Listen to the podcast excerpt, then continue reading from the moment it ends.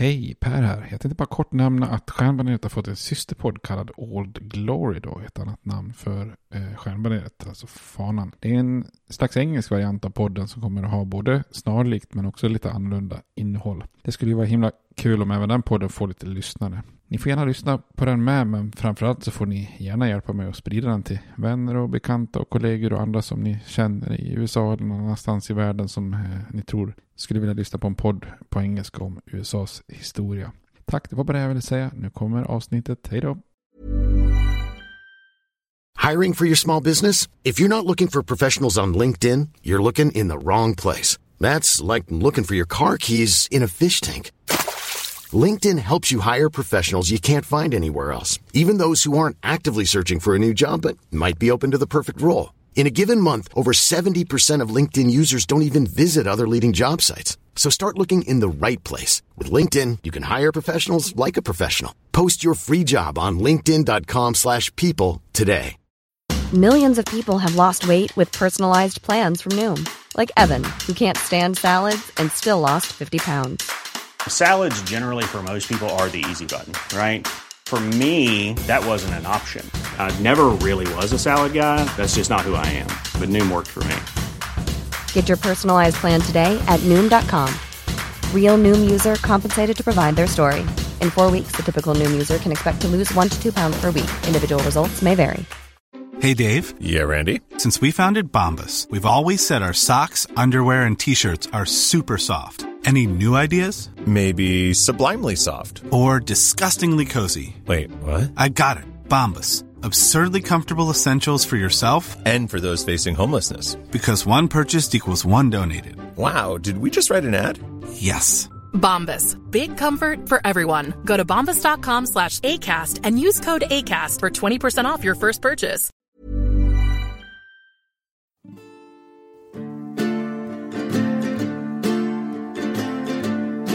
We hold these truths to be self-evident, that all men are created equal, that they are endowed by their Creator with certain unalienable rights, that among these are life, liberty, and the pursuit of happiness.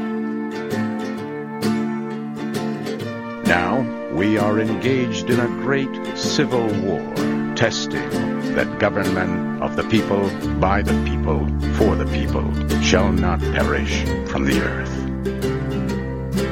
And so, my fellow Americans, ask not what your country can do for you, ask what you can do for your country. I have a dream my four little children will one day live in a nation where they will not be judged by the color of their skin, but by the content of their character. Mr. Gorbachev, tear down this wall. I did not have sexual relations with that woman, Miss Lewinsky. Då säger vi hej och välkomna till Stjärnbaneret igen, en podcast om USAs historia. Med mig Per och eh, med dig Robert. Ja, jag är med idag igen. Hur, eh, hur är läget? Jo, det är fint. Vi kör på Skype och du ser- ligger som vanligt fint nerbäddad. Ja, jag ligger bra här. Ja, gött. Eh, vi tänkte göra ett eh, avsteg till från den här översiktsserien igen då och bjuda faktiskt på lite mer modern historia. Eh, och vi tänkte ta upp det här väldigt kaotiska, kaotiska och annorlunda presidentvalet år 2000 när George Bush besegrade Al Gore. Där det till slut var en dom i, dom i högsta domstolen som avgjorde. Och eh, det är ju en väldigt modern historia. Hittills har vi ju i den här översiktsserien och även lite i avstickare framförallt kommit fram till 1815. Eh, och de enda avstickarna vi har gjort som inträffade på 1900-talet det var ju det avsnittet vi gjorde om McCarthyism och Joe McCarthy. Eh, det är ju en spännande historia. Och sen gjorde vi ju en liten serie här om Vietnamkriget som, som vi släppte alldeles precis här. Men eh, om man tilltalas av lite mer modern historia så tänkte vi att då slänger vi in det här valet 2000. Och det blir ju första gången som vi pratar om någonting som vi själva har upplevt. Mm. Eller Vad jag- kommer du ihåg från, från det här valet själv då? Eller upplevt och upplevt, vi har inte varit där på plats. Nej, nej. Men ja, men man kommer ihåg att det var väldigt konstigt. Det svängde fram och tillbaka. Vem var det som egentligen som hade vunnit? Och just då mm, hängde man väl inte sådär super med, bra med i de här svängarna kring domstolarna och sånt där. Men man kommer ihåg de här bilderna att de satt och vände och vred på olika röstkort och man förstod att det var inte sådär jättelätt att rösta i Florida. Liksom. Något du kommer ihåg? Nej, det var det jag tänkte på också. De där nästan som hålkort. Jag vet att de höll upp dem mot ljuset för att se om det var hål igenom eller inte och hela den där biten. Precis. Ja, Men sen var- gav de väl upp de gav väl upp röstningen till slut, eller ja, det kommer du väl fram till här i... Ja, precis. Det blir ju högsta domstolen som går in och avbryter så att säga. eh, Mm. Det hela. Så så att det blir lite modern historia. Då kan man väl eh, också rekommendera, alltså vill man ha en liten mix av USA idag och, och kanske även lite mer modern historia så kan man ju lyssna på podcasten Kongressen med Jakob eh, Stenberg som är ju en bra, bra podd att följa om man vill hänga med i, i eh, lite mer modernt då. Eller ja, förutom att jag är med i två avsnitt och förstör, förstör det och backar tillbaka till konstitutionen. Men, men normalt sett är det väldigt bra för att följa det moderna så att säga. Sen tänkte jag på en sak här. Vi hade ju ett avsnitt där vi pratade om Aaron, Burr här när han eh, eh, sköt eh, Alexander Hamilton. Jag egentligen mördade honom då eh, under en duell. Och eh, det är ju inte faktiskt sista gången som en vicepresident skjuter någon. Och det blir ju lite aktuellt idag. Vi ska ju prata lite grann om Dick Cheney som ju var vicepresident under George, eh, George W. Bush. Och det var ju ganska nyligen här, 2006, eh, som Cheney faktiskt sköt en annan under en jakt i Texas.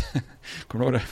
Ja, jag kommer ihåg något, men jag vet inte hur det gick till hela grejen där. Men han typ blev skjuten i ansiktet, eller? Ja, jag tror det. Jag, jag, jag, jag förstod att det borde Tappade han geväret, eller det var ju sånt där vådaskott i alla fall. Det var väl...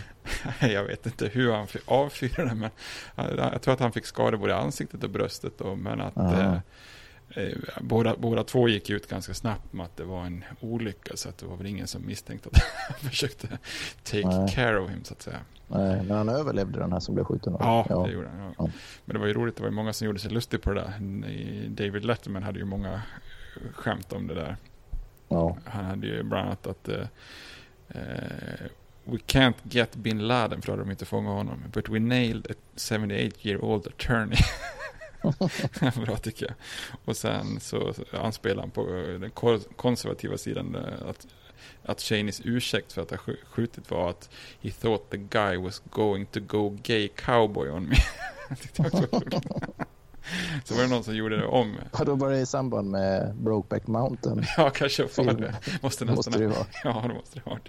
Och sen eh, gjorde de ju, var det någon som gjorde om eh, Aerosmith. Varför? Vi har nämnt Aerosmith tidigare. Jag undrar varför det. Men eh, de gjorde om den där a gun till got a gun. Ja, det passar ju bra. ja, det var roligt. Säger du Aerosmith? Jag säger Aerosmith. Aerosmith, det ja. kanske- Det är nog Mm. kanske rätt uttal. Jag tänkte varför har du bytt till Aerosmith? Men du, du, kanske, du kanske vet något som inte jag vet. Nej, det tror jag inte. Nej, du är nog bättre på engelska uttal än vad jag är. Tror Men jag tänker att det är ett försvenskat Aerosmith. Att Ja, man har liksom, ja, jag. jag vet inte. Ja, vi, vi, vi Kör på. den. Vi kommer inte nämna dem igen. Aldrig mer någonsin. Nej. Nej, okej. Då bestämmer vi det. Nu sätter vi punkt för eh, den gruppen. Ja. Eh, vars namn jag inte ska uttala. Innan vi går vidare, vad, vad tycker du man ska dricka till det här avsnittet? Om vi ska ha en rekommendation som vanligt. Visst har vi rört oss i området tidigare, Florida? Har vi pratat om Florida tidigare i något program? Ja, vi var ju man- men det var väldigt, väldigt länge sedan. För det var ju typ när vi pratade om att, eh, bland annat under den koloniala tiden, det måste varit avsnitt eh, två Ja, eller någonting, att eh, ja. Santa Augustin, staden i Florida, är ju den äldsta, äldsta staden, grundad redan på 1500-talet, som ju Ja, finns inom dagens USA. Men annars vet katten och vi, Florida är lite mer utmarker väldigt länge. Det är ju ingen... Buccaneers pratar vi om. Ja, precis, Tog vi inte det. upp Florida Buccaneers då? Eller vi nämnde det kanske, men det var inte... Ja, ja. Ja, jo, men det gjorde vi nog då när vi pratade lite Nej, pirater. Ja, precis. Nej, jag tänkte ölmässigt där.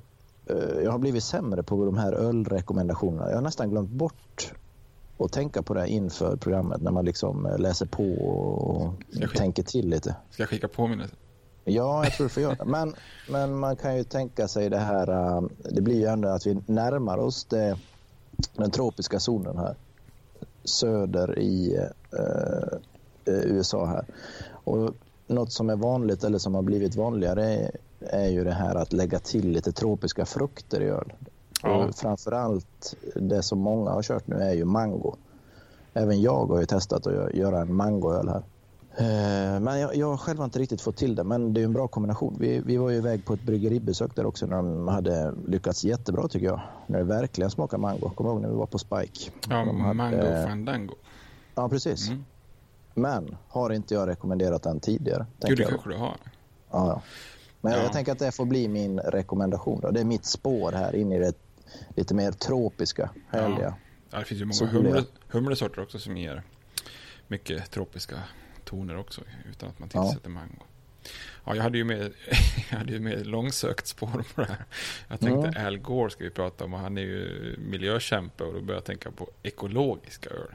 Och det har ju blivit mer och mer vanligt faktiskt. Eh, Så att eh, jag tror om jag inte har helt fel att, eh, att Poppels i Jonsered är helt ekologiskt. Alltså att allt att de kunde gå och säga att nu är allt ekologiskt som vi gör. Undrar vad som räknas in i det där. För som du säger, humle. Man, man måste ju flyga in, eller flyga gör man inte, men frakta in en del humle från olika delar av världen. Ja, Och då, Poppels har ju även då Nya Världens IPA. Eller vad heter den? ja precis. Ja. Det, och det är ju från verkligen andra sidan jorden. Det Ja. måste väl vara Australien och Nya, Zeeland har humle Ja, ifrån. jag tror det. Från början var det nog två aus- australiensiska. Ja. Alltså jag känner bara ekologisk, jo men... Skeptisk. ja, vi får kolla upp Ja. det där nog noggrant. Ja, jag får kolla. Jag ska inte såga, jag ska Nej. inte såga Poppels för den biten. Jag Nej. tänker rent allmänt det här när man kallar saker och ting ekologiska så ja, det, det är säkert bättre än, än de som, in, som är oekologiska. Då. Men jag vet inte hur stor effekt det har egentligen. De får förklara om vi får till en intervju i det, vår andra podcast, En öl på fem, Ja, just fem, en öl på fem minuter. Det hoppas vi på. Yes.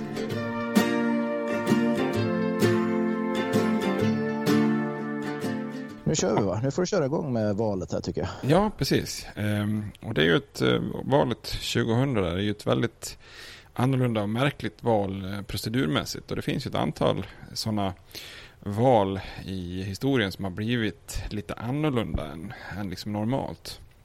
Och flera av dem har vi pratat om.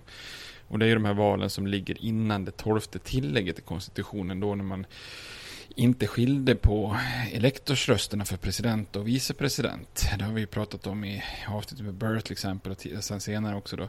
Och det är ju det här valet 1796 när de två motståndarna Adams och Jefferson blir valda till president och vicepresident fast de egentligen tillhör olika falanger liksom, eller olika partier där.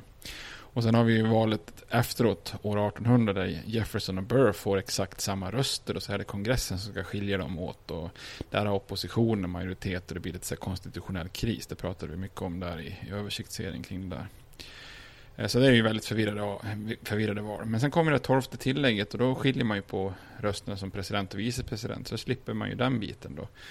Eh, och då kommer ju ett ganska kotiskt val 1824. Man är liksom mitt emellan två partisystem. Så att det finns liksom eh, en fyra kandidater som, som alla går ganska starkt lite så här regionalt då. Och det innebär att ingen kandidat får majoritet. Och enligt konstitutionen då så ska kongressens representanthus då avgöra vem som blir president. Det här kommer vi ju snart att komma till i översiktsserien. Och det innebär att John Quincy Adams, alltså John Adams son, får presidentposten av representanthuset trots att Andrew Jackson egentligen hade fått fler elektorsröster i, i det valet. Så det blir också lite så här ifrågasatt då.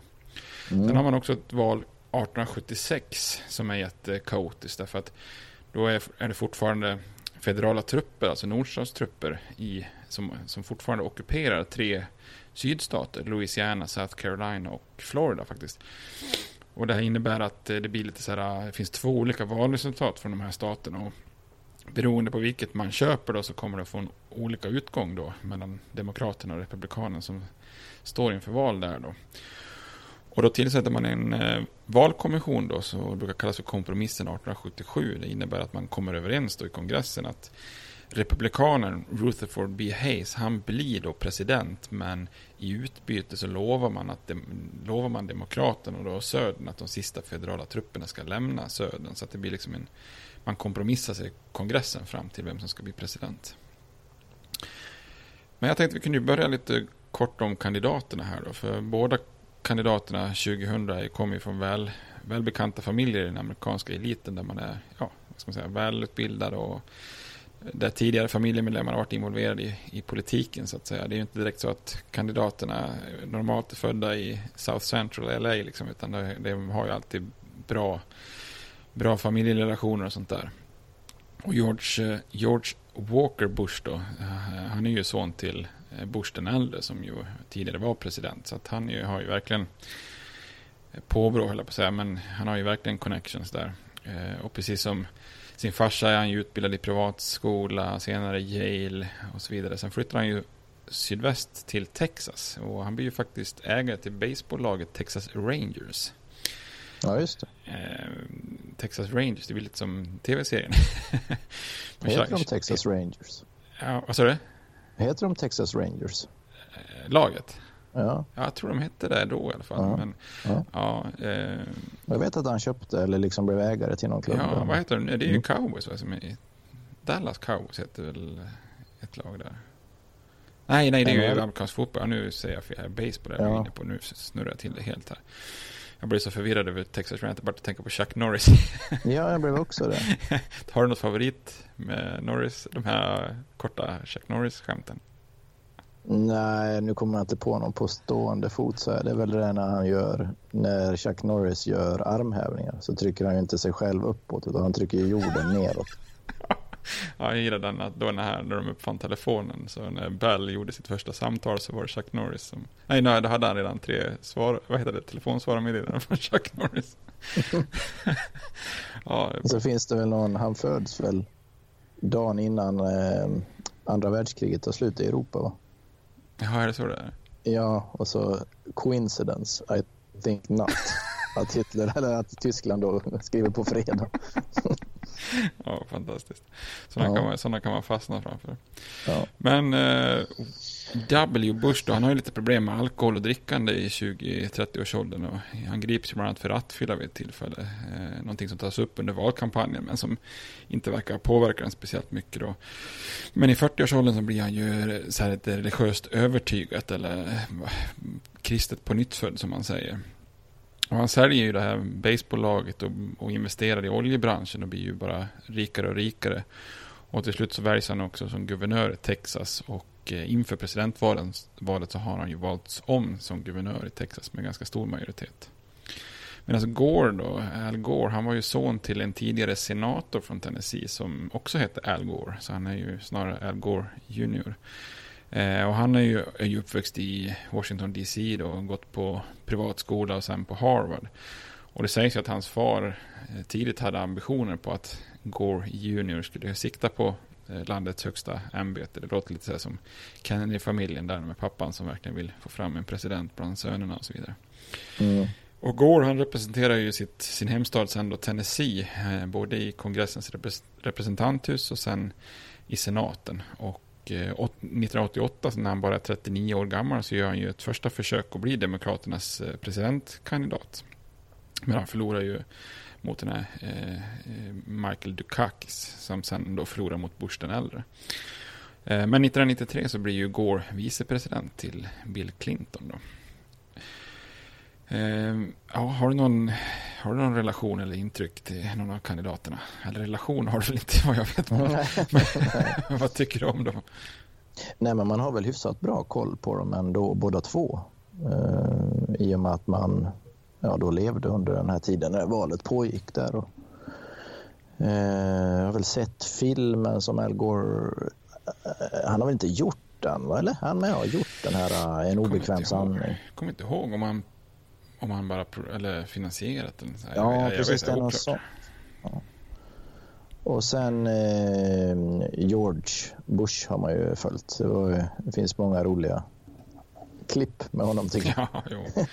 Att han var istället, det var hans besök ställde till lite kaos där i Göteborg. Ja, just det. Just det. Det var han som besökte då. Ja, ja precis. Jag hade en kollega som anställdes ungefär samtidigt. Han hade intervju några dagar före eller efter mig. Eller då, då så det, han kom, höll på knappt på att komma hem från intervjun för det var ju fullständigt kaos i centrala Göteborg. Ja. Eh, tittar man då på primärvalen då, när kandidaterna utses och, och inför valet här då, så Demokraterna har ju eh, mycket fördelar inför valet år 2000 för ekonomin var ju jättestark och Och Clinton eh, hade ju starkt stöd bland folk som, som president. Trots egentligen både den här Lewinsky-skandalen och riksrätt så hade han ju förvånansvärt bra siffror på något vis. Och eh, Clinton är ju beredd att ge Gore sitt stöd och uppbackning på något vis. Så den enda som egentligen utmanar Gore sen är ju en senator från New Jersey, Bill Bradley. Men efter den här mm. Super Tuesday när många stater håller primärval samtidigt så, så vinner Gore mycket då, så han hoppar av den här Bradley. Eh, Republikanerna däremot, de har ju en del nackdelar inför det här valet 2000. Dels har man ju det här bagaget att man har ställt Clinton inför riksrätt och misslyckats. Eh, och så finns det heller inga kandidater som direkt sticker ut. Så det är ett väldigt brett fält inför de här primär, primärvalen, vilket ju sällan är, är bra eftersom det tar väldigt mycket kraft från själva riktiga valet här och utse sin egen kandidat. Då. Eh, och till slut är det mycket pengar och finansiering som fäller av avgörandet eftersom Bush är ju den bäst organiserade och finansierade kandidaten. Så att det är lite grann det här money talks. Eller cream som Wu-Tang Clan brukar säga. Cash mm. rules everything around me. Och med pengar då från oljebranschen och så har han byggt upp en väldigt imponerande valkassa som är liksom mer än dubbelt så mycket som de andra kandidaterna tillsammans. Så det är klart, då kan man, då kan man trycka ut ganska mycket eh, reklam och sånt där. Och från början finns det ju många kandidater, men en efter en droppar de ju av och till slut är det ju eh, Arizonas senator, den här John McCain som vi pratat mycket om, som som utmanar Bush och det är ganska jämnt ett tag. Men sen så går Bush-kampanjen ganska hårt åt McCain då för hans ställningstagande i abortfrågan och tobaksindustrin och skatter och sånt där. Men, men också för att han har blivit barn, eh, far till ett barn utanför äktenskapet som han faktiskt aldrig förnekar heller. Eh, så till slut drar sig McCain ur, men han blir ju faktiskt kandidat 2008 där mot Obama. Som, eh, och då är det faktiskt så att Bush stödjer honom, eller endorse som det heter på engelska. Mm. Och Bush har ju en stor fördel att han har brett stöd från den konservativa högern och det republikanska etablissemanget. Då. Eh, och när Bush väl blir president så är han ju en av en ganska eh, konservativ president. Men under valkampanjen så lanserar han ju en linje eller ett uttryck som heter compassionate conservative. Eh, alltså att han är en slags medkännande konservatism då. Som innebär att han både förespråkar sänkta skatter och minskad stat men också så här partiöverskridande lösningar till folk i nöd och sånt där. Eh, och det faller ganska bra ut bland, bland väljarna. Då. Och så Bush han väljer ju lite oväntat sin pappas gamla konservativa försvarsminister då, Dick Cheney till vicepresident. President då, han som vi sa är lite trigger happy. Mm. Eh, och det är ju knappast någon moderat hållning så att säga. Men Cheney ansågs ju bidra väldigt positivt med ålder och rutin. Eftersom många var lite oroade över att Bush var oerfaren, speciellt inom utrikespolitiken. Då. Medan Gore då, han har ju han har ju en liten belastning att han har uppfattats lite som så här eh, aningens eh, otydlig och att han verkligen behöver liksom profilera sig inför valet. Eh, och hans val av vicepresidentkandidat är ju Joe Lieberman som är en av de största och starkaste kritikerna till Clinton då, vilket ses som en liten styrka att man ändå tar avstånd från den här Lewinsky-affären och sådär. Eh, och han är faktiskt den första juden någonsin som kandiderar för något av partierna. Så att eh, det var jag också lite unik med. Och på Demokraternas partikonvent så blir Gores acceptanstal väldigt framgångsrik och han verkar då eh, vara en person som kan leda landet och eftersom Bush har legat lite före så hämtar han in försprånget ganska, ganska på en gång där bara genom att hålla det här talet. Då.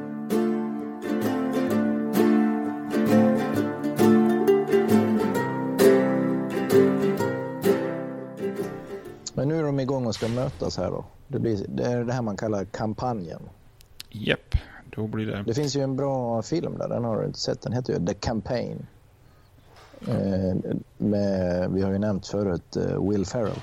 Ah, den har jag inte sett. Vilken har du inte sett den? Den kan jag rekommendera. Den, den liksom, det blir ju en sån här, nu möts ju de, det är inte i presidentvalet, det är väl någon liten eh, något litet county skulle jag säga där de säkert ska välja borgmästare eller liknande. Men det, där är det Will Ferrell på ena sidan som är den här, det ska vara den typiska eh, republikanen då som har suttit några år tidigare och sen kommer det en ny eh, eh kandidat. Men jag kommer inte ihåg vad han heter. Den. Det skulle jo, jag, jag, jag, har inte sett hela, men jag kommer ihåg att jag har sett lite av den. ja. ja, det är ju alltid roligt när han är med. Så att, även där har de ju med någon sån här skjutning. De ska ju på någon gemensam jakt. De samlas vid någon parkering. Men han går ju bara fram och skjuter honom i benet eller foten och så sätter han sig i bilen igen och åker hem. så hävdar de att det var en jaktolycka.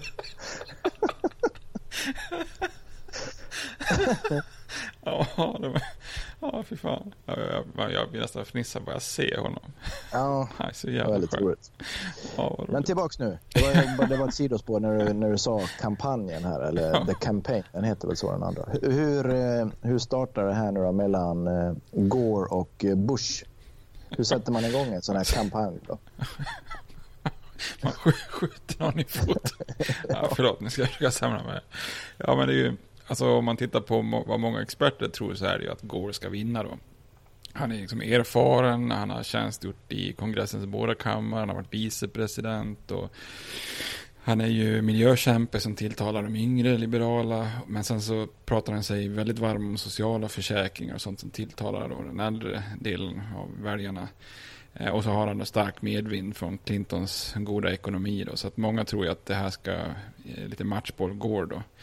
Däremot eh, Bush då, W som han kallas för, ehm, han verkar ju istället ganska oerfaren och osofistikerad. Och även om han har blivit både vald och omvald som guvernör i Texas så, så verkar han liksom ha blivit kandidat för Republikanerna främst eftersom de har haft så få alternativ då. Lite så här att ja men din pappa har varit kandidat och därför blev du liksom.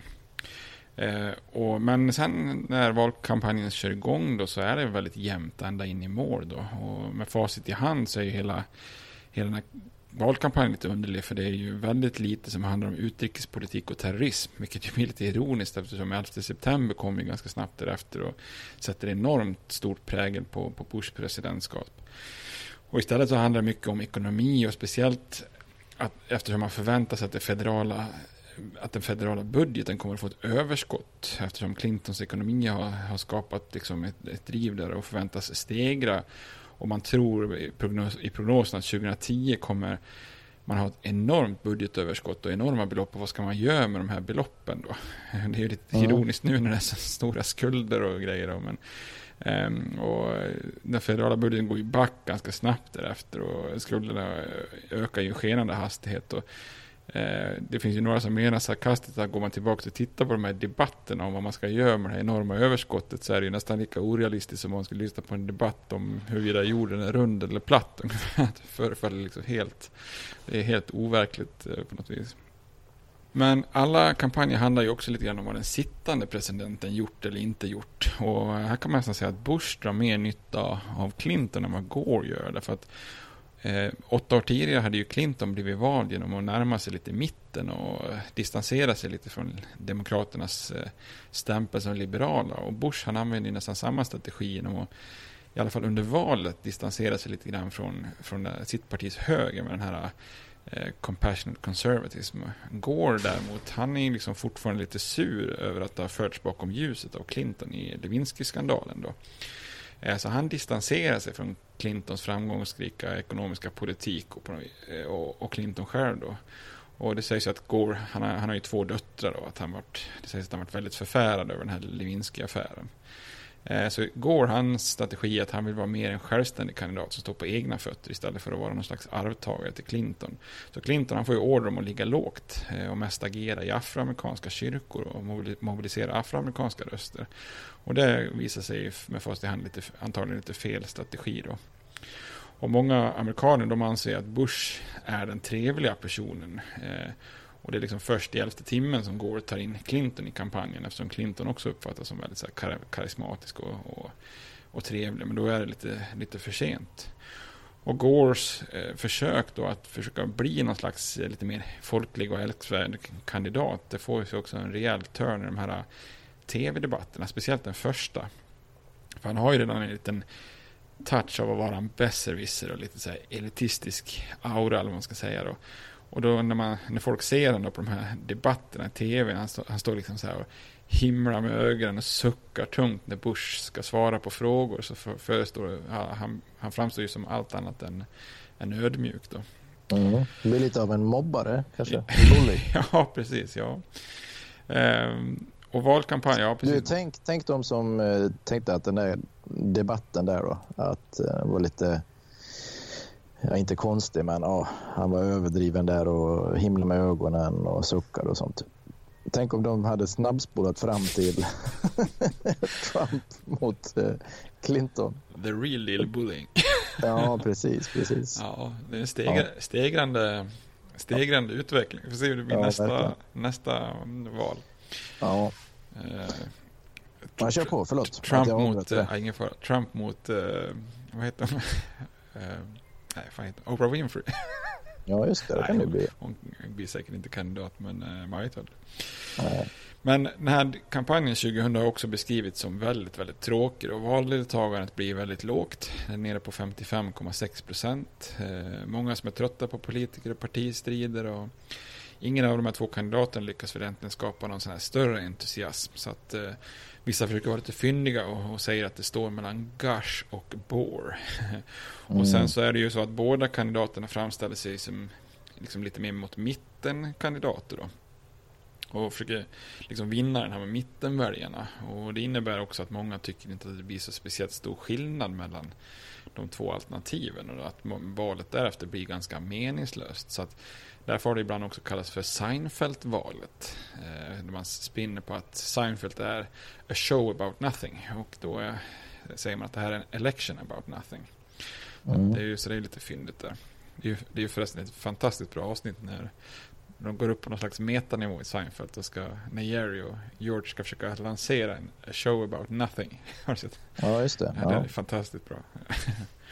Vi återkommer nog till Seinfeld senare här. Vi, vi kommer ju hamna någonstans i Florida. Så vi, du får påminna igen här så ska jag ta upp ett annat avsnitt från Seinfeld. Ja, kanon, kanon. Ja.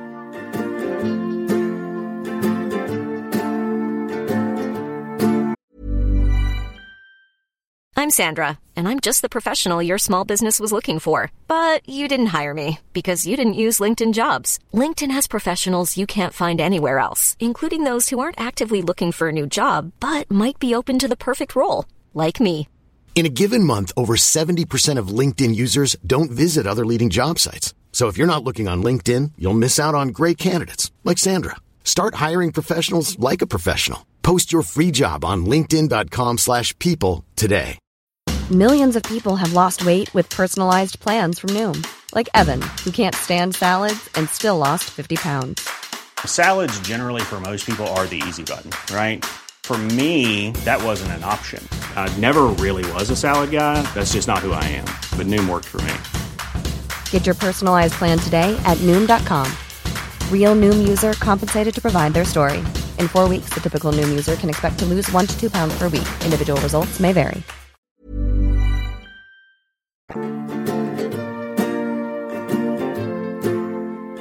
Hur går valet här nu då? Det vet vi ju, men du kan ju beskriva kanske lite mer ingående. Eh, stat för stat kanske du inte gör, men i stora drag hur valet går. Om vi börjar i Maine, du röst vandrar mm. Nej då, men på valdagen så ser det ut att vara väldigt eh, jämnt enligt alla undersökningarna. Eh, och det, det, ser ut som att man nästan helt delar, delar upp eh, rösterna mellan kandidaterna. Eh, och det är ju väldigt lågt valdeltagande som jag sa och det, det anses ju ha påverkat Gore-demokraterna mest negativt. negativt då. Och det om man tittar man till procent av rösterna så får Gore eh, 48,4 och Bush 47,9 så det är inte jättemånga procent. Så att det Gore eh, gör ju en sån där att man förlorar, förlorar antalet elektorer men vinner flest folkliga röster. Då. Sen är det ju två andra kandidater med. Eh, det ena är ju Ralph Nader som får 2,7 procent. Han representerar ju någon form av miljöparti eller Green Party. Och sen så är det också en kille med som heter Pat Buchanan som var lite konservativ republikan och eh, han har tagit över det här Ross Perot's eh, reformparti. Ja. För han har ju varit med ett antal år, det här Ross Perot. Och så, men ja, han, han tar över den, den fanan. Och det annars hade han kanske varit en av republikanernas kandidater då, i primärvalen. Då. Så man kan ju notera då som vi sa att Gore vinner antalet röster med knappt 1%. Men det, i amerikanska val så spelar inte det egentligen någon roll. För det gäller ju att vinna stater, inte bara röster. Då. För man har den här vinnaren tar allt-principen. Och antalet eh, elektorsröster för varje stat, vinner man så får man ju alla dem. Då. Och ibland kan man höra konstiga beskrivningar av det här, hur många delegater man har. Men det är ganska enkelt. Man har antalet elektorsröster utifrån antalet delegater i kongressen. Så alla delstater har två elektorsröster för, var, för sina två senatorer. Och sen har man då eh, resterande elektorsröster utifrån hur många, eller hur många eh, del, delegater man har i representanthuset. Då.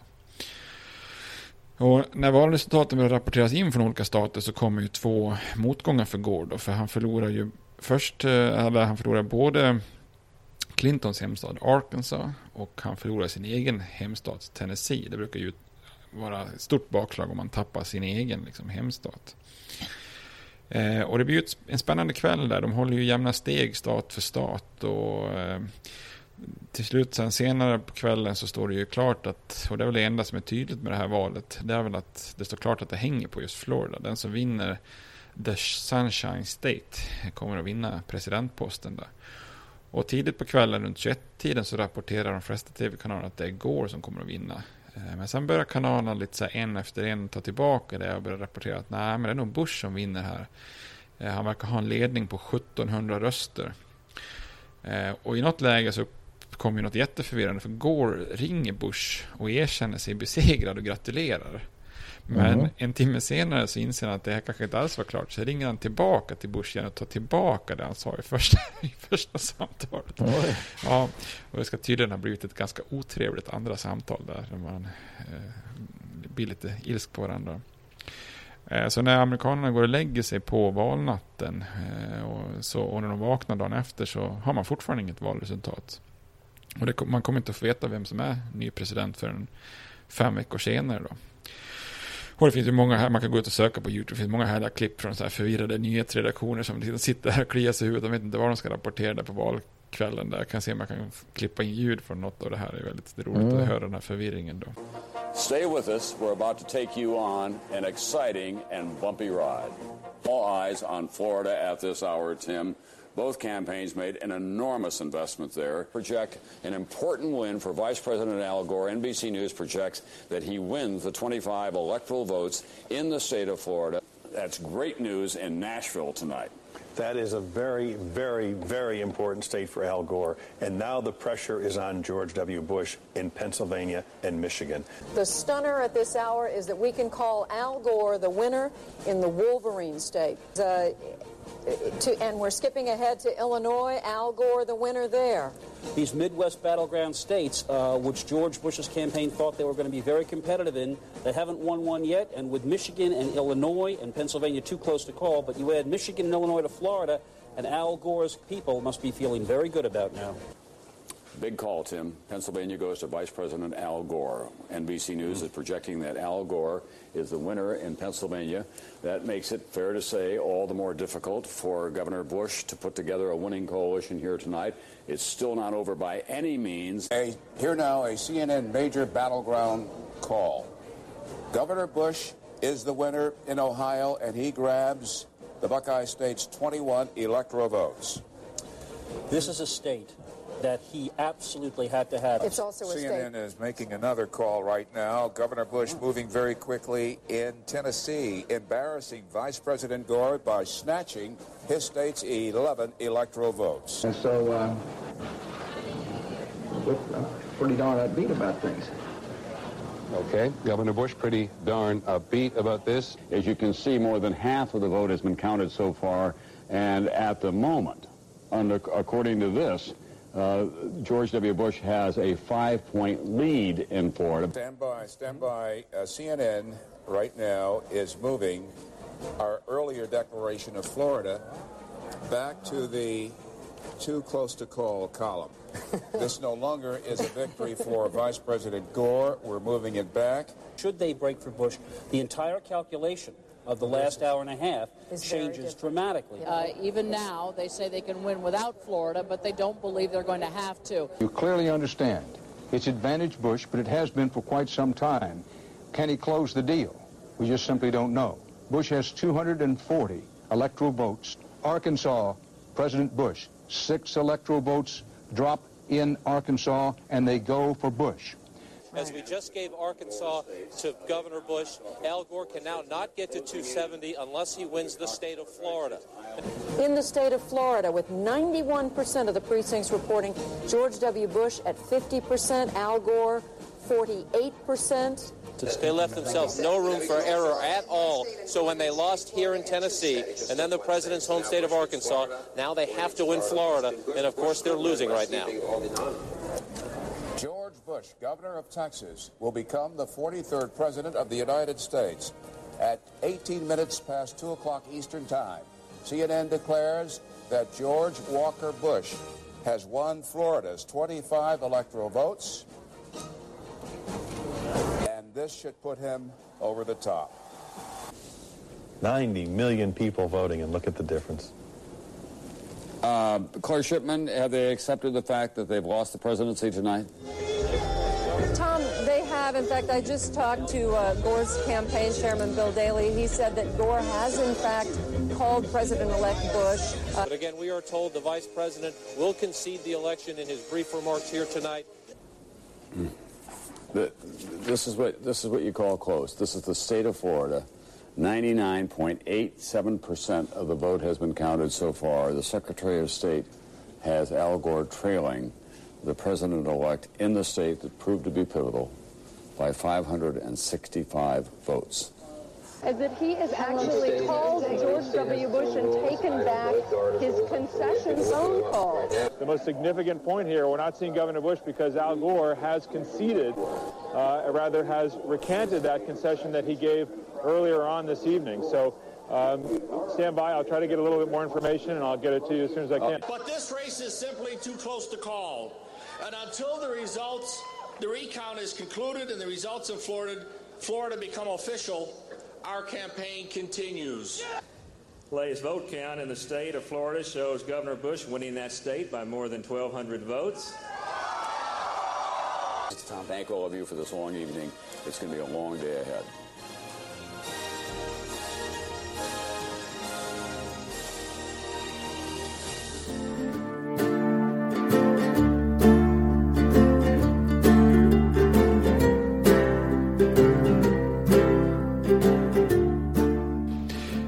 Men när man vaknar som sagt dagen efter så får man höra också att det är vissa problem och oegentligheter i flera av de här countiesarna i Florida. Speciellt i områden där Gore eh, förväntas vara, vara starkt. Då. Och, och det är nu den här kalabaliken i, i Florida börjar. Då. Är det nu de här röstkorten kommer in då? Som vi pratade om tidigare. Ja, precis. För nu, det är det som är konstigt med, med att rösta i USA jämfört med till exempel Sverige, att det är rent praktiskt ganska svårt. Eh, och ett exempel på det, till exempel, eller på den här problematiken som uppstår, är att det är ett distrikt där det- det går förväntas gå väldigt bra då. Och där har helt plötsligt eh, Pat Buchanan fått över 3000 röster och, och liksom vinner den, det distriktet. Och Pat Buchanan, som, han har ju alltså då hoppat av Republikanerna. Ingen fattar någonting. Alltså, det är ett väldigt stort ideologiskt hopp. Om man tänker sig att de flesta skulle rösta på Gore och helt plötsligt har de röstat på Buchanan. Um, och då visar det sig att det här distriktet har en av varianter av de här förvirrade grejerna. Man har så kallade butterfly-valkort. Eh, och man ska trycka ett hål då, rakt i mitten. Det finns en, liksom en rad med hål rakt ner i röstkortet. Eh, men kandidaterna, alltså, eller namnen så att säga, längst upp till vänster har man då till exempel Bush. Eh, och sen så nästa hål, eh, då är det namnet beskrivet på höger sida av kortet. Och då står det Pat Buchanan där. Och så kommer den tredje då på, på andra sidan, det är ju då eh, Gore. Och så fortsätter det så här, man har kandidater på varsin sida. Och då har ju folk- må, många tittat på vänstersidan och sett att ja, men Bush står överst och sen står Gore under. Då ska jag trycka ut nummer två i den här liksom, valkortet. Men trycker du tvåan, då har du röstat på Pat Buchanan på andra sidan. Och så är det många som har upptäckt Ah. felet och försökt att trycka ut det en extra så att säga. Och, eller också har man trott sig rösta på Gore, men man har röstat på på Pat Buchanan. Men vanligt att man har upptäckt och tryckt ut det till då. Eh, och i ett par andra distrikt så visar det sig att rösterna inte blir räknade eftersom man inte har tryckt ut ett tillräckligt tydligt hål på valkorten. Alltså själva restflärpen har inte försvunnit eh, eller hänger lite kvar då så att det inte blivit ett korrekt hål. Och i vissa röster så har man tryckt till så det är uppenbart att man har försökt tryckt ur en, röst för går men eh, den bara buktar. Man brukar kalla dem där för gravida valkort. Man, man ser avsikten men problemet är då att de här maskinerna som ska mm, eh, automatiskt räkna rösterna de har ju inte registrerat det här utan det blir ju blanka röster. Så Mm. i det första fallet, alltså när man har tryckt mer än ett hål så kallas det för överröster. Och det andra fallet när man inte har tryckt ett tillräckligt eh, noga hål så kallas det för underröster. Och totalt så handlar det om 61 000 underröster underröster och 113 000 överröster som är ifrågasatta. Alltså totalt 175 000 röster som är ifrågasatta. Då. Oj. Och då ska man komma ihåg att marginalen i början av kvällen där är 1784 röster. Och till slut när man stoppar allting är skillnaden mellan, mellan Bush och Gore 150 röster. Så det är ju ganska... Det är ganska... mm, vad heter det? Uppseendeväckande. Precis. Sen rapporteras det också om lite andra oegentligheter som att vallokaler har flyttats med ganska kort varsel. Och I och med att valet i USA det är ju inte på en ledig dag utan det är ju jobbdag. Så folk har ju inte hur mycket tid som helst att leta runt efter en vallokal. Då. Och så sägs det också att det blir väldigt mycket bristande information till, till icke-engelsktalande minoriteter och att eh, en del afroamerikanska latinoväljare har hindrats från att rösta vilket då säkert hade gett Gore fler röster. Men enligt lagen i Florida så är valet jämnt så måste man hålla en automatisk omräkning. Då. Gore han kommer närmare då successivt men ligger ändå efter. För den här, för den här omräkningen löser ju inte de här eh, otydliga korten där. Och Floridas då republikanska Secretary of State eh, tolkar det som att omräkning, omräkning måste ske inom en vecka, vilket bara kan göras då med me mekanisk omräkning. Eh, och det är ju kontroversiellt i sig, då, för hon är ju utsedd utav, eh, utav Bush brorsa, Jeb Bush. Low, Mhm. Low Energy Jeb, han är ju guvernör i Florida. Så det är lite lustigt det där att guvernören är ju brorsan till, till Bush då. Eh, men Gores folk de protesterar ju eftersom det i Floridas lag står också att röster inte får ogiltigförklaras if there is a clear indication of the intent of the voter. Alltså att eh, kan man på något vis utlösa att eh, man förstår vilken man hade tänkt rösta på så ska de räknas då. Eh, så de här rösterna där det inte liksom har tryckts ur ordentligt borde egentligen vara en röst för Gore.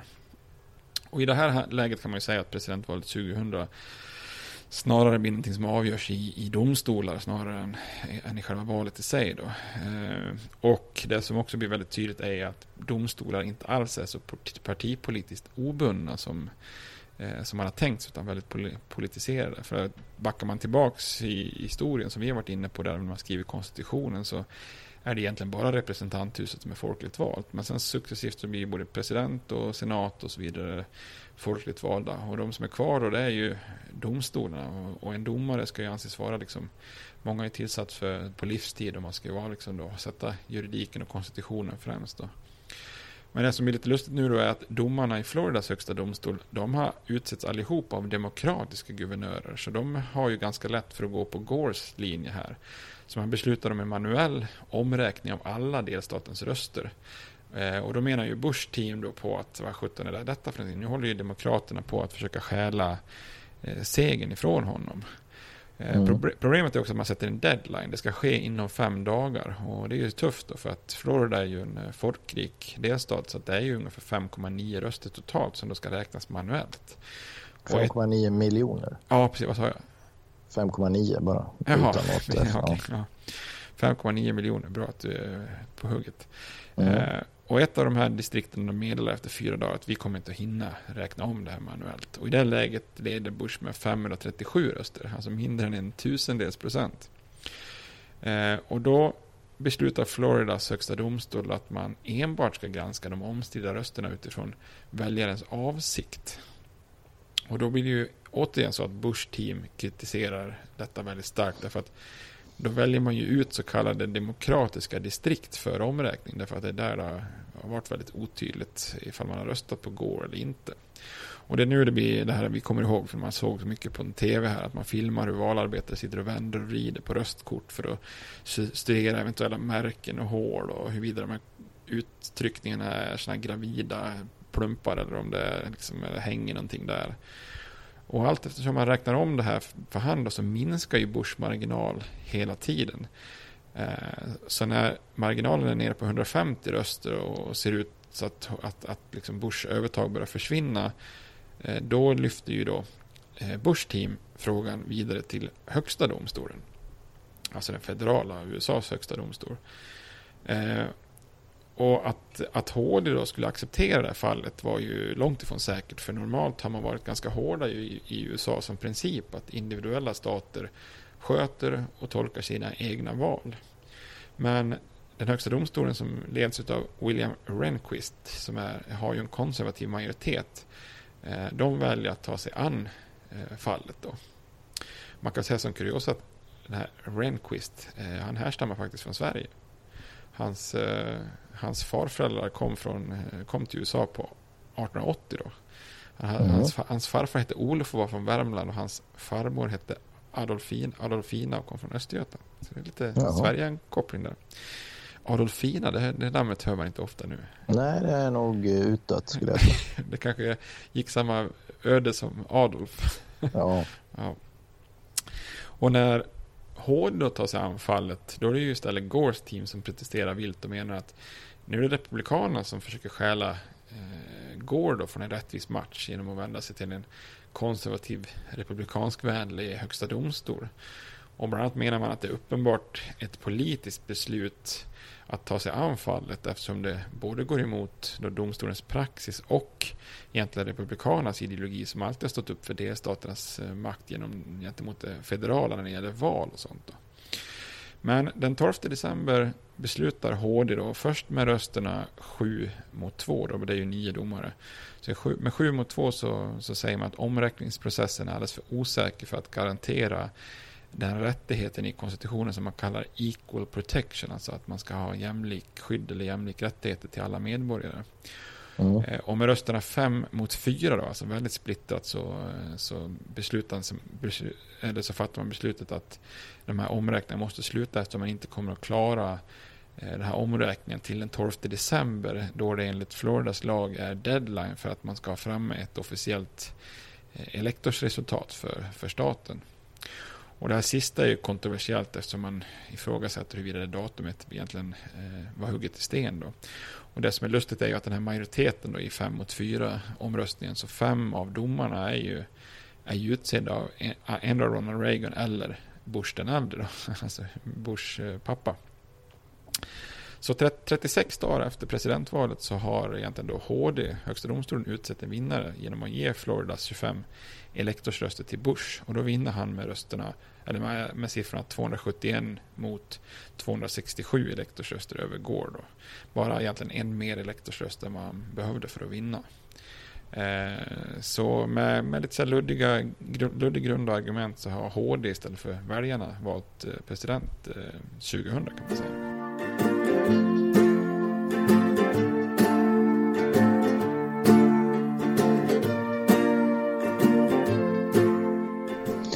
Efterspelet måste ju ha varit eh, stort efter det här nu då. Både kritik mot hur, hur det till slut blev här med att HD tog beslutet men också att det måste ha varit folk som ville ha ett helt nytt val överlag. Liksom. Vi, vi, kör, vi kör om från början allting, eller?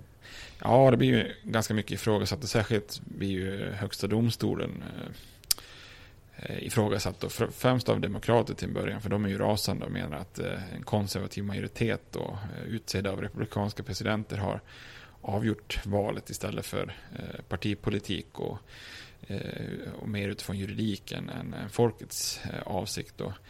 men republikanerna de är ju lika irriterande över att den här demokratiska högsta domstolen i Florida var på väg att ge Gore segern som de ser det och menar att det enda sättet att sätta, få slut på den här kontroversen var en, en dom i högsta domstolen. Och naturligtvis har ju åsikten gått isär bland eh, experter ända sedan den här dagen då såklart. Men många juridiska experter oavsett parti har ju i det långa loppet kritiserat eller åtminstone sett problem med HDs roll i det här valet utifrån framförallt två aspekter. Då. Ehm, det ena är ju att eh, man funderar på var, varför var det så hårt att hålla på det här datumet den 12 september enligt Florida-lagen och, och stoppa omräkningen eh, utifrån det här med väljarnas avsikt. Då, att man ser det som lite vrångt och lite förhastat. För att man argumenterar ju då att det, enligt konstitutionen så kan man inte säkerställa det här equal protection.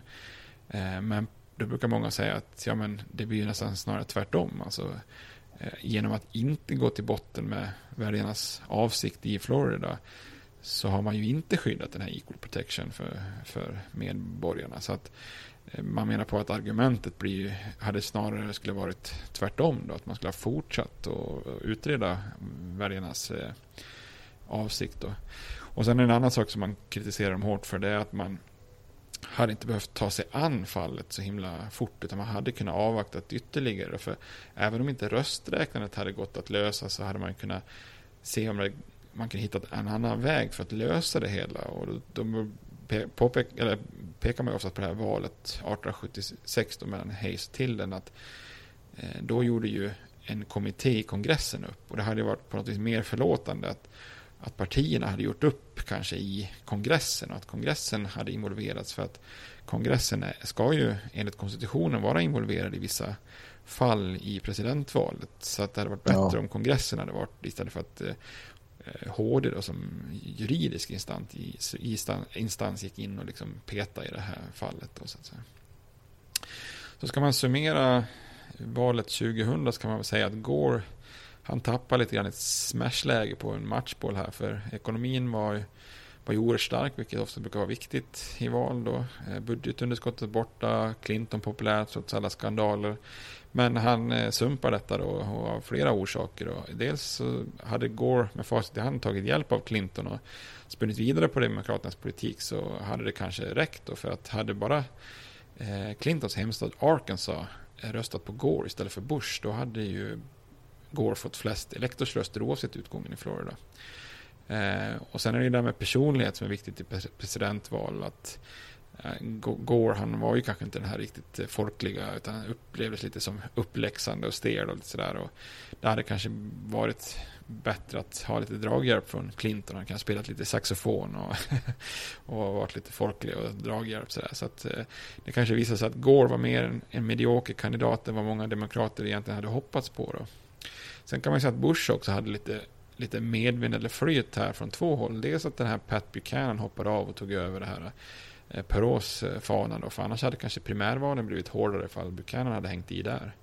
Eh, men sen får ju också Bush egentligen då hjälp av Ralph Nader och här Green Party och Miljöpartiet som ju berövar Gore på ganska många röster, viktiga röster som han hade behövt då.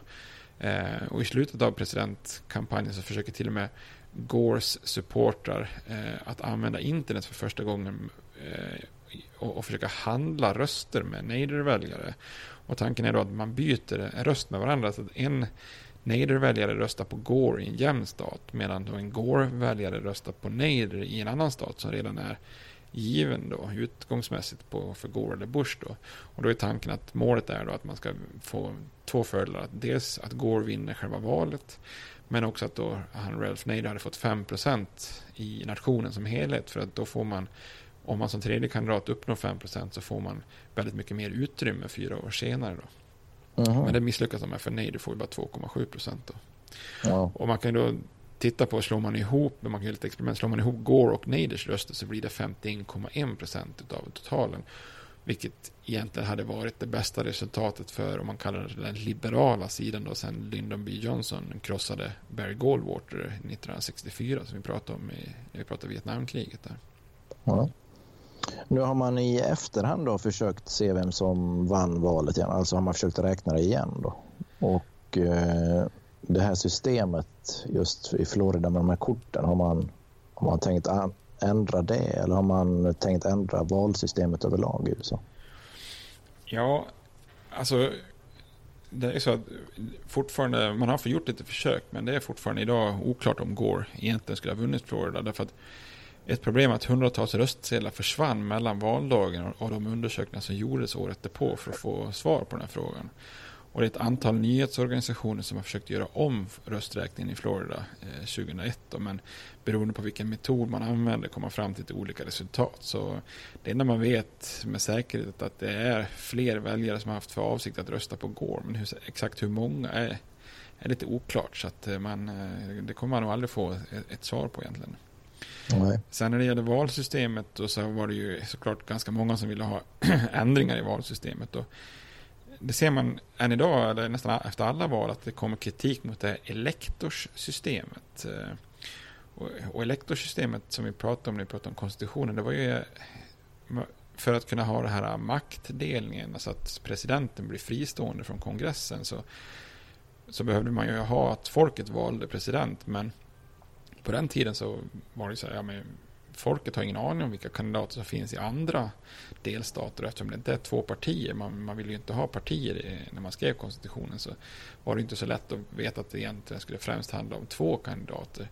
Eh, och då gjorde man ju systemet så att det blev indirekt att man väljer elektorer då i sin delstat som kan vara smarta och göra ett bra val sen då till president. Och, och eh, sen då med uppkomsten av partisystem och, och mer enkla sätt att eh, rösta, på här, men eh, alltså att det blir tydligare att det är folket som väljer så har man ju behållit elektorsystemet för det är inte så helt lätt att driva igenom en ändring av konstitutionen. Eh, men det är egentligen inget konstigt med elektorsystemet i sig, alltså för elektorerna är ju bundna att, att här, i princip alltid respektera resultatet. Och det gör de ju alltid. Det finns väldigt få undantag när, när någon elektor har liksom, Eh, när väljarna har valt en kandidat och då har elektorn valt någonting annat sen då när, när elektorerna väljer. Så att, att, eh, att det här elektorsystemet skulle påverka utgången är ju ganska osannolik egentligen. Sen finns det ju kritik mot det här vinnaren tar allt-systemet. Alltså, kan man kan man ändra konstitutionen här. Men ofta vill ju en parti som har vunnit en stat kunna leverera hela staten. Så tar man bort den här principen så öppnar det också upp för fler kandidater som kanske verkligen har en minoritet av rösterna. Och kanske skulle göra resultatet ännu mer olegitimt. Så, eh, så där kan man väl också säga att det är inte så många som ställer sig positiva till det här. Sen blir det själva den tekniska biten att valet är dåligt och de här otydliga röstsedlarna. Där har man också fått tänkt att det ska vi fixa, men det är dyrt att fixa teknologiskt och många är inte så beredda att betala för det. Liksom, eh, så. Däremot 2002, då, två år efter valet, så röstade man igenom en lag som heter Help America Vote Act. Bara, bara namnet är helt os osannolikt. Det är så låter som en slags u-land som behöver FN-observatörer på plats för att sköta ett val. Liksom sådär. Eh, och det sätter man då vissa krav på valsedlar och att, det ska, och att man etablerar en slags federal valkommission och någon minimivalstandard. Men det är ju långt ifrån någon så här nationell reform, reform av valteknik utan det är fortfarande upp till varje delstat hur man vill implementera och använda sina skattepengar. Så det är ju fortfarande på många ställen eh, krångligt och lite svårt att, att rösta kan man säga. Då. Ja. Sen kan man kolla lite grann vad man kan tänka sig att ja, men vad får det här för följder för Bush presidentskap? Eh, att man blir vald på det här sättet. Eh, men där man gjorde undersökningar efteråt så visade det sig att det är ganska få amerikaner som såg Bush som en icke-legitim president. Då. Eh, och tittar man på opinionundersökningar efter valet så visade sig att eh, även om en liten majoritet eh, trodde att Bash, Bash, betörstig, att Bush verkligen hade vunnit eh, eh, valet så accepterade ändå tre fjärdedelar av befolkningen att han var legitimt vald ganska kort därefter. Då. Och något som har bidragit till det här sägs ju vara då Gores eh, tal när han erkände sig besegrad till slut och att han höll ett väldigt sådär värdigt och försonande tal när han erkände sig besegrad. Att det gjorde mycket för att ändå ena landet kan man säga då. För se, man, man kanske ja. kan lägga in ett klipp från det också då. Och som en sån här fun fact kan man ju nämna att eh, Bush, Walker Bush, W Bush, han är ju faktiskt inte den enda vars, vars pappa tidigare varit president. Vi har ju varit inne på det lite grann tidigare nämnt det, men USAs sjätte president John Quincy Adams, han var ju son till landets andra president John, John Adams, som i sin tur var kusin med Samuel Adams. Så att eh, det är två gånger det har hänt att eh, far och son har blivit president. Ja. Och för att, jag hittade två citat, eller vad man ska kalla det för, som sammanfattar hela valet 2000 väldigt bra. Då. En av domarna i Högsta domstolen som hade en avvikande åsikt i, i, i det här fallet var John Paul Stevens som var 80 år vid det här tillfället och han sitter inte kvar än. Uh, och han skrev så här. Although we may never know with complete certainty the identity of the winner of this year's presidential election, the identity of the loser is perfectly clear. It's the nation confidence in the judge as an impartial guardian of the rule of law. Så att han är väldigt så. vi, vi kommer aldrig veta vinnaren, men vi vet vilka som förlorade. Det var liksom domstolsväsendet uh, i, mm. i, landet. Och sen uh, så, så har man har sett bilder på ett väldigt roligt plakat där någon som är väldigt Bush-kritisk och någon, någon väljare som är extremt besviken på, på utgången här. Och så han demonstrerar utanför Vita, hus, Vita huset på Bush installationsdag. Och det plaket, plakatet är ju fantastiskt. Det säger så här. Hail to the thief. Election for sale. The people have spoken. All five of them. Med referens till de fem domarna som var i majoritet Ja. i, i HDs eh, dom då helt enkelt.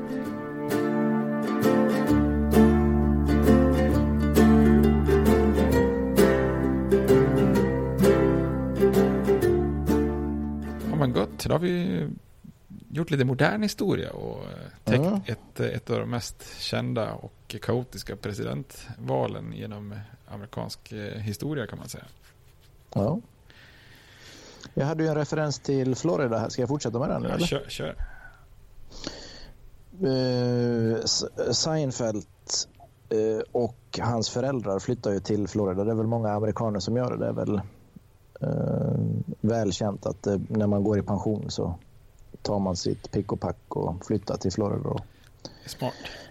Ja, och Jerry och Elaine är ju nere här och besöker eh, föräldrarna under ett avsnitt som kallas The Pen. Kommer du ihåg det?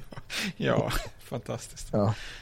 Jag tycker det är väldigt talande och bra där med att eh, när de väl har kommit dit och besöker så kommer ju Jerrys föräldrars vän med fru över och, och ska tacka för middagen igår eller något sånt där. De ska skriva på en, en check eh, för att betala då där de åt igår på något sätt. Och då använder han en penna där som astronauterna använder också. Då. Man kan skriva med den upp och ner och jag vet inte överallt. Ja. Jerry blir ju så imponerad av den där pennan och frågar om den flera gånger så där, hur den funkar och allt så. Så till slut känner han sig tvingad att erbjuda Jerry pennan. Men Jerry säger ju nej flera gånger bara. Nej, nej, nej, jag ska inte ha den. Bara, take the pen, take the pen. Just Han har väl så här helt väsen röst. Ja, ja, Take visst. the pen. Ja. Så till slut så tar ju Jerry bara, "Ja, men tack då. Och Ändå erbjuder så tar jag gärna den här pennan. Jag är väldigt imponerad av den. Men då blir det helt fel igen. Bara, du skulle ju ha sagt nej. Bara. Då, då går ju snacket där i den där pensionärsbyn att, att Jerry till slut liksom tog pennan från den här stackars Jack då som han heter. Så det blir liksom fel hur man än gör där. Det, Ja, det tycker det. det känns så typiskt med pensionärerna där också. Ja.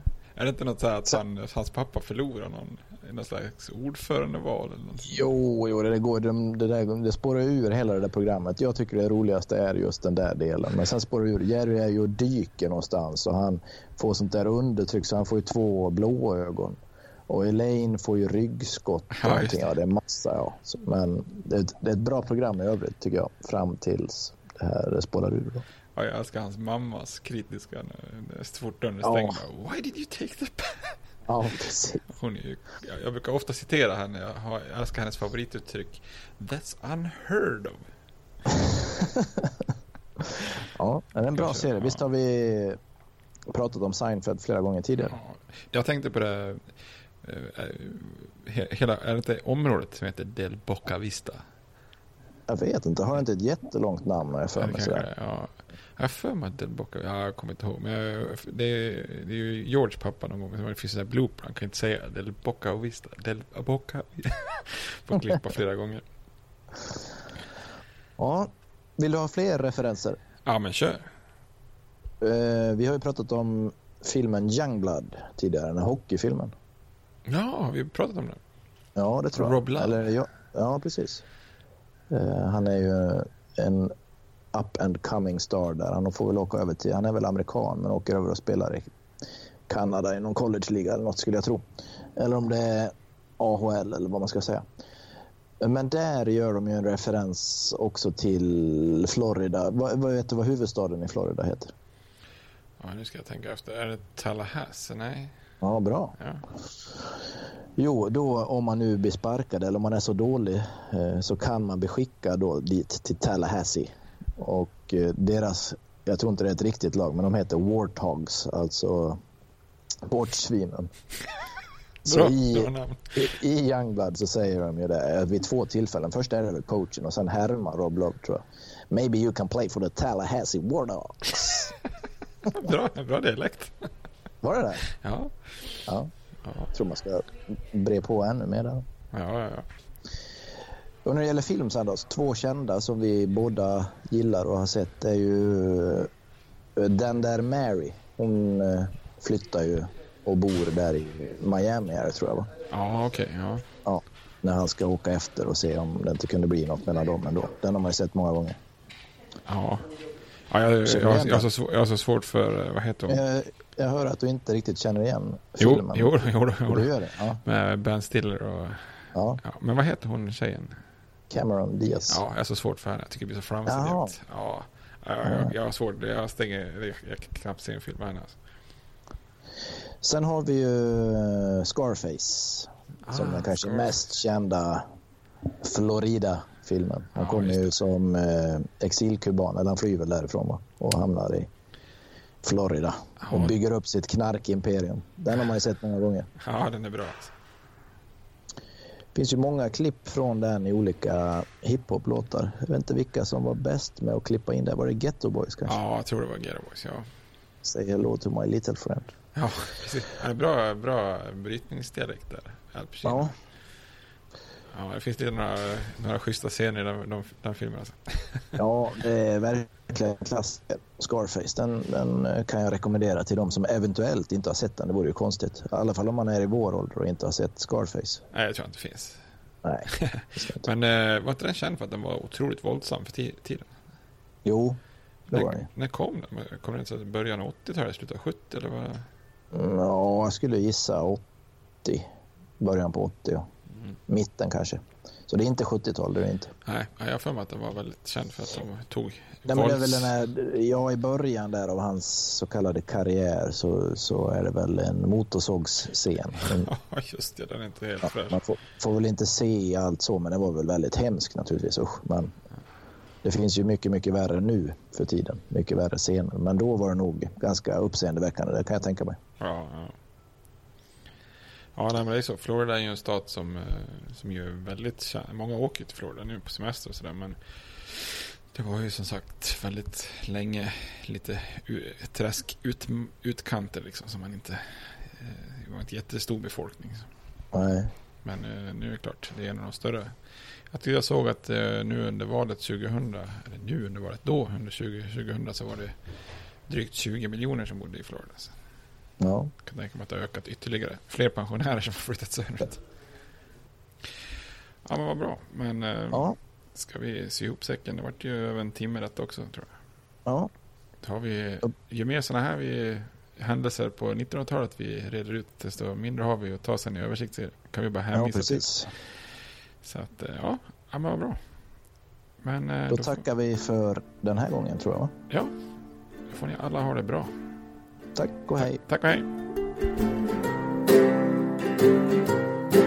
States like these and their terrorist allies constitute an axis of evil.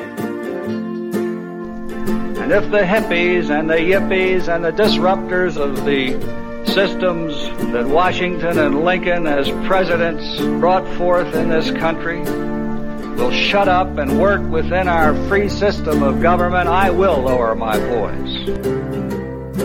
If the impeachment provision in the Constitution of the United States will not reach the offenses charged here, then perhaps that 18th century Constitution should be abandoned to a 20th century paper shredder. Therefore, I shall resign the presidency effective at noon tomorrow.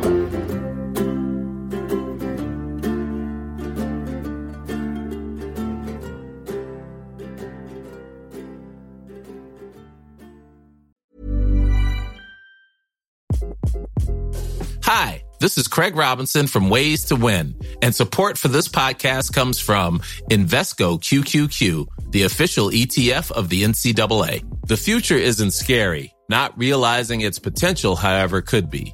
Just like on the recruiting trail, I've seen potential come in many forms as a coach. Learn more at Invesco.com slash QQQ. Let's rethink possibility. Investco Distributors, Inc.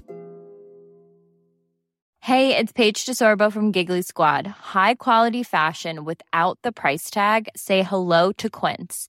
I'm snagging high-end essentials like cozy cashmere sweaters, sleek leather jackets, fine jewelry, and so much more. With Quince being 50 to 80% less than similar brands. And they partner with factories that prioritize safe, ethical, and responsible manufacturing. I love that. Luxury quality within reach. Go to quince.com slash style to get free shipping and 365 day returns on your next order. Quince.com slash style.